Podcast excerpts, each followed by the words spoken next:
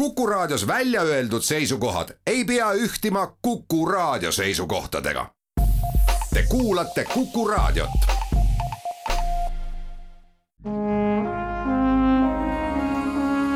Vanemuise veerand.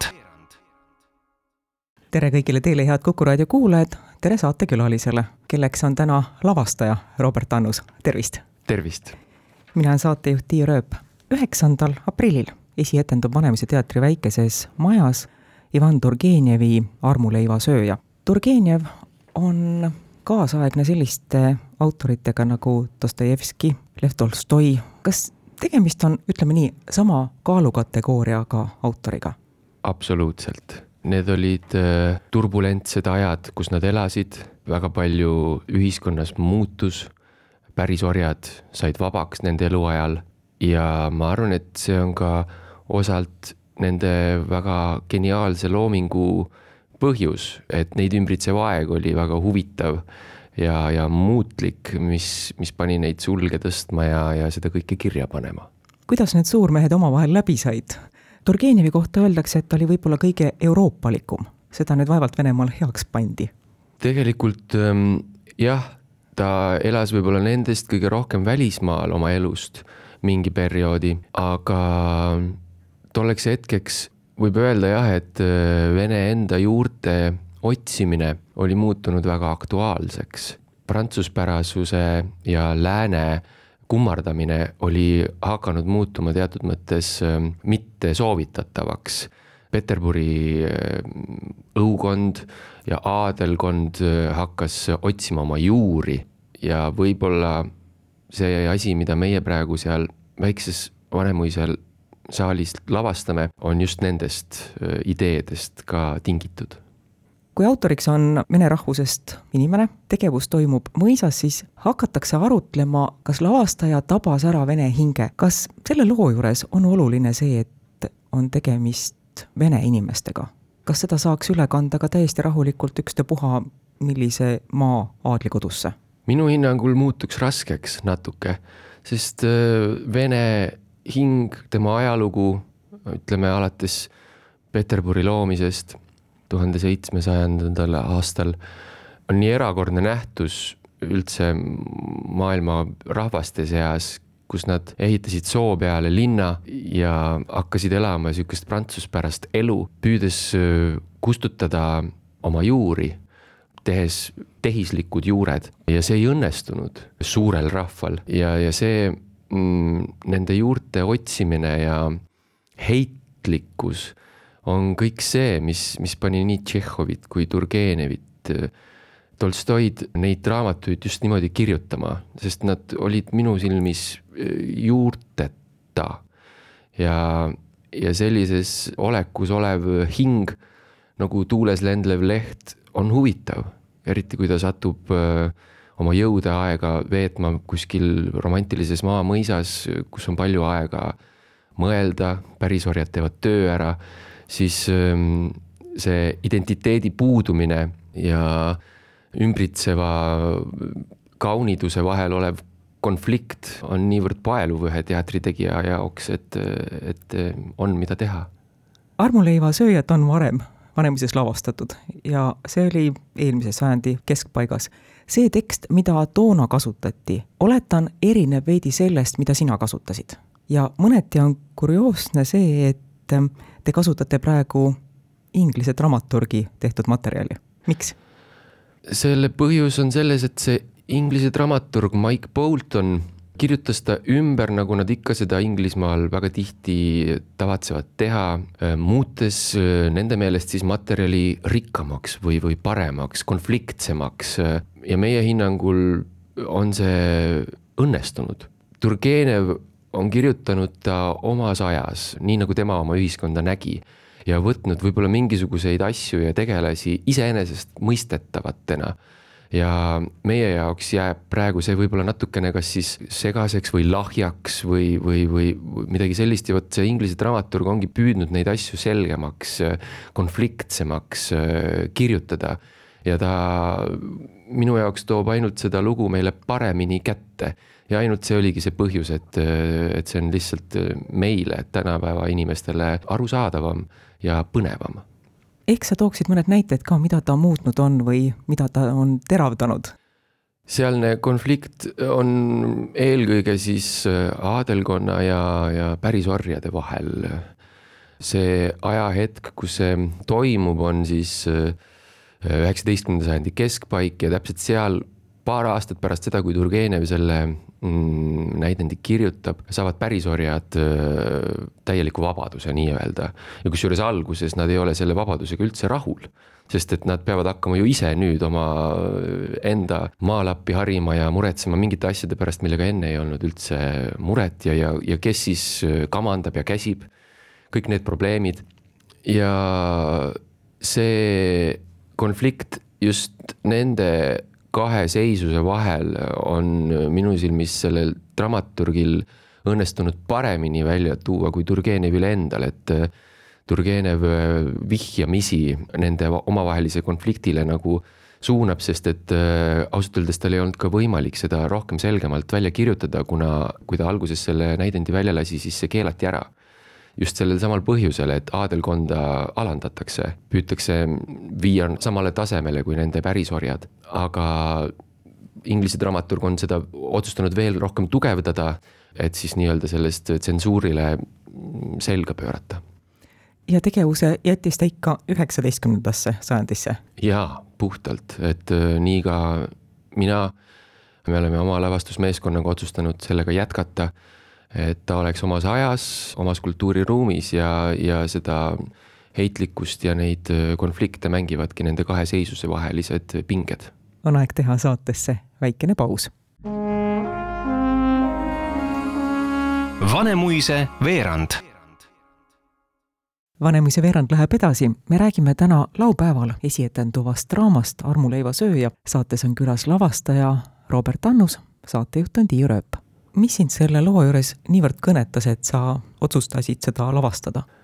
see on minu jaoks suure pöördega lugu, et ta on terve oma esimeses vaatuses seljaga sellele sündmusele, mis esimese vaatuse lõpus juhtub ja teine vaatus on siis kõigest sellest tingitud, mis siis äh, seal juhtus. loomulikult ma ei saa praegu kuulajatele seda sündmust ette rääkida, sest et äh, see oleks spoiler, nagu tänapäeval seda nimetatakse.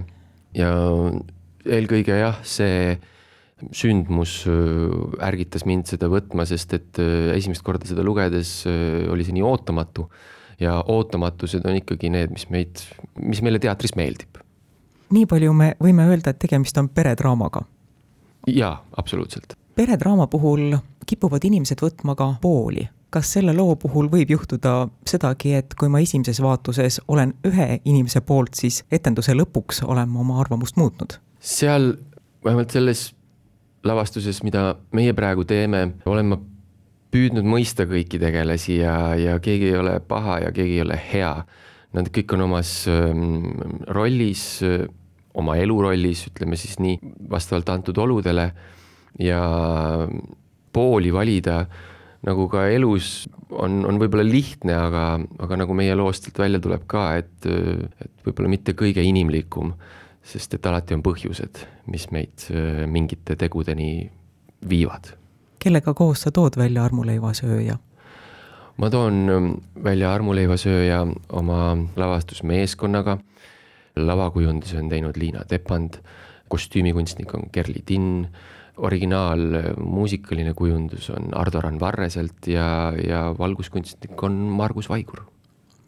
sa oled ise näitleja, kes praegu on lavastaja rollis, kas selles loos on mõni selline tegelane, keda sa ise hea meelega mängiksid? Ehm, vist ei ole sest äh, ma seda materjali valides ikkagi valisin endale rolli ja see oli lavastaja. et äh, nii tihti on nende materjalidega, et sa loed ja sa saad aru, mis osa sul selles mängida on, et kas see asi jätta kõrvale, see ei puuduta sind. antud juhul puudutas ja, ja minu ülesanne, ma arvan, oli kõige parem võtta see lavastaja roll ja, ja ma olen veendunud, et ma olen leidnud ka Vanemuise trupi seast nende rollide täitjateks kõige paremad osatäitjad. kes on need kõige paremad osatäitjad eks ikkagi Vanemuise draamatrupi liikmed eesotsas Aivar Tommingasega, kes mängib siis nimitegelast, armuleivasööjat ja Leena-Barbara Luhse, Margus Janovitš, Reimo Sagor ja, ja veel teised Vanemuise draamatrupi näitlejad, kõik oma parimas headuses sa oled oma vastustes üsna napisõnaline, kui me hakkame rääkima sellest, mis toimub loos. kas sa siiski räägiksid pisut rohkemat kui see, et tegemist on perekonnadraamaga ja inimestel on omad põhjused? Jah, tänu sellele, et on olemas seal pärisorjad ja siis aadelkond, räägib minu jaoks ka palju vägivallast ja, ja antud ajahetkel on see väga ajakohane kahjuks.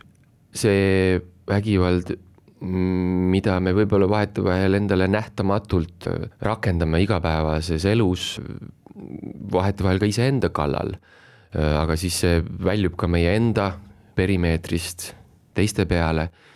vot need nähtamatud, pealtnäha nähtamatud niidid, mis meid teiste inimestega ühendavad ja seal vahel, kui seal vahel on selline nähtus nagu vägivald, ükspuha siis millises kaalus, viib alati katastroofini alati mingisuguse konfliktini. Ja kas seda konflikti on vaja, milleni väikesed konfliktid, kui need kõik summa summarumis kokku panna, kuhu nad välja jõuavad, kes kellele liiga teeb, kas see, kes selle välja purskas või, või, või ta ise, põhjus on temas endas, need kõik on seal selles materjalis on justkui peenelt sõnade vahele öeldud ja me oleme proovinud seda kõike sealt lahti harutada, miks asjad lähevad nii, nagu nad tihti lähevad, kui palju me lubame, mis on eetiline, võib-olla need on need märksõnad, mis on kõik selle pealtnäha perekonnadraama taga, kõik see tegevus, mis toimub seal ilusas maamõisas ja milleni siis see kõik välja viib. kui populaarne tekst Turgenevi näidenditest on armuleivasööja, isasid ja poegasid on meil lavastatud, on Kuu aega maal ka lavastatud ja seda selle sajandi sees. armuleivasööja on Venemaal väga tuntud materjal. peale Kuu aega maal on ta kõige enim mängitud Turgenevi draama. teda tehakse vaata et pea iga hooaeg kuskil Venemaa väikeses teatris. ta on väga tuntud materjal venelastele endale. Ja ka see, et äh, teda läänes ikkagi suhteliselt vähe on tehtud, eriti meil, viimati siis tõesti viiekümne kaheksandal aastal Vanemuises, siis äh, ka see oli see minupoolne huvi teda ikkagi uurida ja, ja temaga tegeleda, sest et äh, kui ühte materjali on ähm, selle rahva enda poolt nii palju uuritud ja tehtud, siis midagi peab seal olema. ja, ja Kuu aega maal on ju väga hea materjal ja, ja tõepoolest ma ütleksin nüüd, et see kindlasti ei jää sellele kuidagi alla.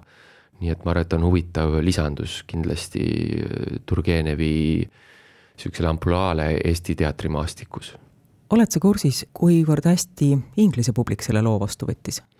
jah, olen natuke kursis, väga hästi läks West Endis äh, aastaid, äh, ta oli väga menukas nii et äh, nemad vaatavad seda vene romantikat natuke veel suurema distantsi pealt ja, ja nende jaoks on näiteks juba sinna sisse kirjutatud siuksed naljad, et nad ei oska väga hästi neid nimesid meelde jätta, no isa nimi peab olema seal vahel ja nende jaoks on see kõik natuke koomiline, kogu see asi ja, ja see oli, ma tean, väga edukas seal.